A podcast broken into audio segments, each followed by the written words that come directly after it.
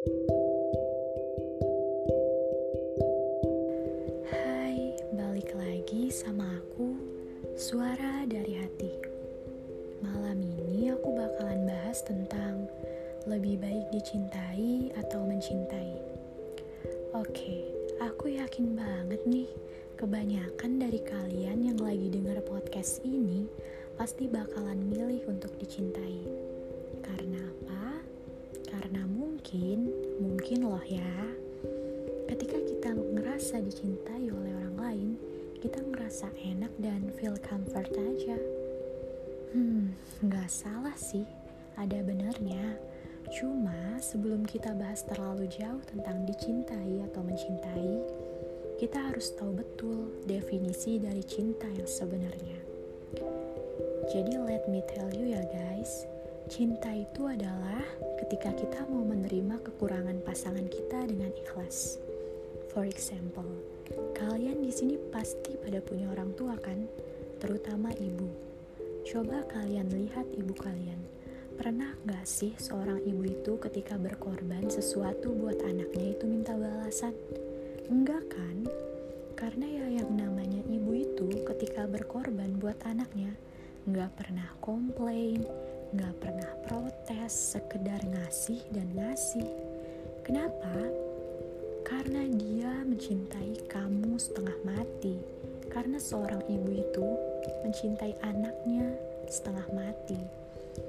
Harusnya tuh kita udah paham definisi cinta adalah menerima segala kekurangan Karena dari kecil kita udah ngeliat contoh nyatanya yaitu ibu kita sendiri Tapi entah kenapa ya Semakin dewasa tuh makin banyak aja persepsi tentang cinta yang salah. Selama ini kita cuma ngagumin pasangan kita dari kelebihannya. Wih, pacar aku cakep banget. Wih, pacar aku pintar banget. Tapi ketika kita nemuin satu kekurangan dia, kita bisa aja nih langsung ilfil dan ujung-ujungnya putus. Aduh. Oke, oke. Sampai sini paham ya maksud aku?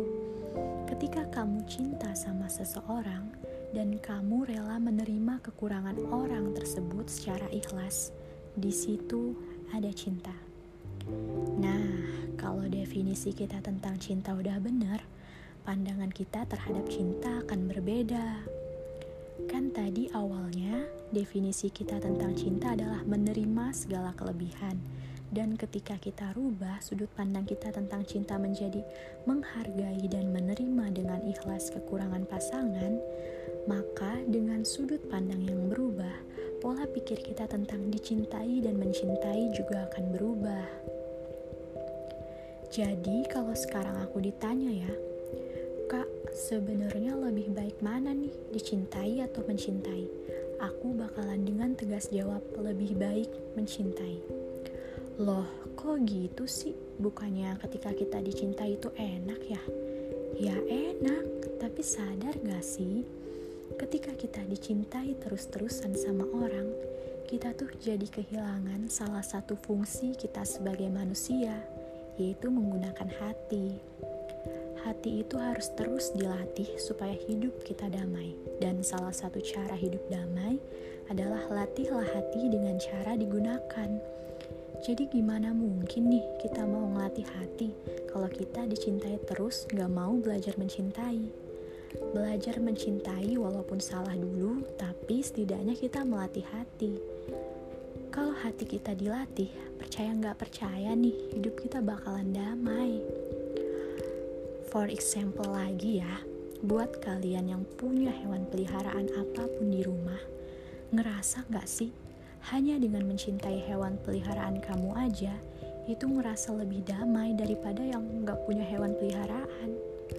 Kok bisa gitu ya? Karena ketika kita mencintai hewan, di situ kita melatih diri kita untuk melatih menebarkan cinta kasih, dan itu rahasia kedamaian. Kedamaian itu ada bagi orang yang mau melatih hatinya untuk menebarkan cinta kasih. Jadi, berdasarkan itu, aku bisa bilang, "Ayo dong, buat kalian yang selama ini masih mendambakan untuk dicintai, rubah pola pikir kalian, belajar buat jadi manusia yang mau belajar mencintai."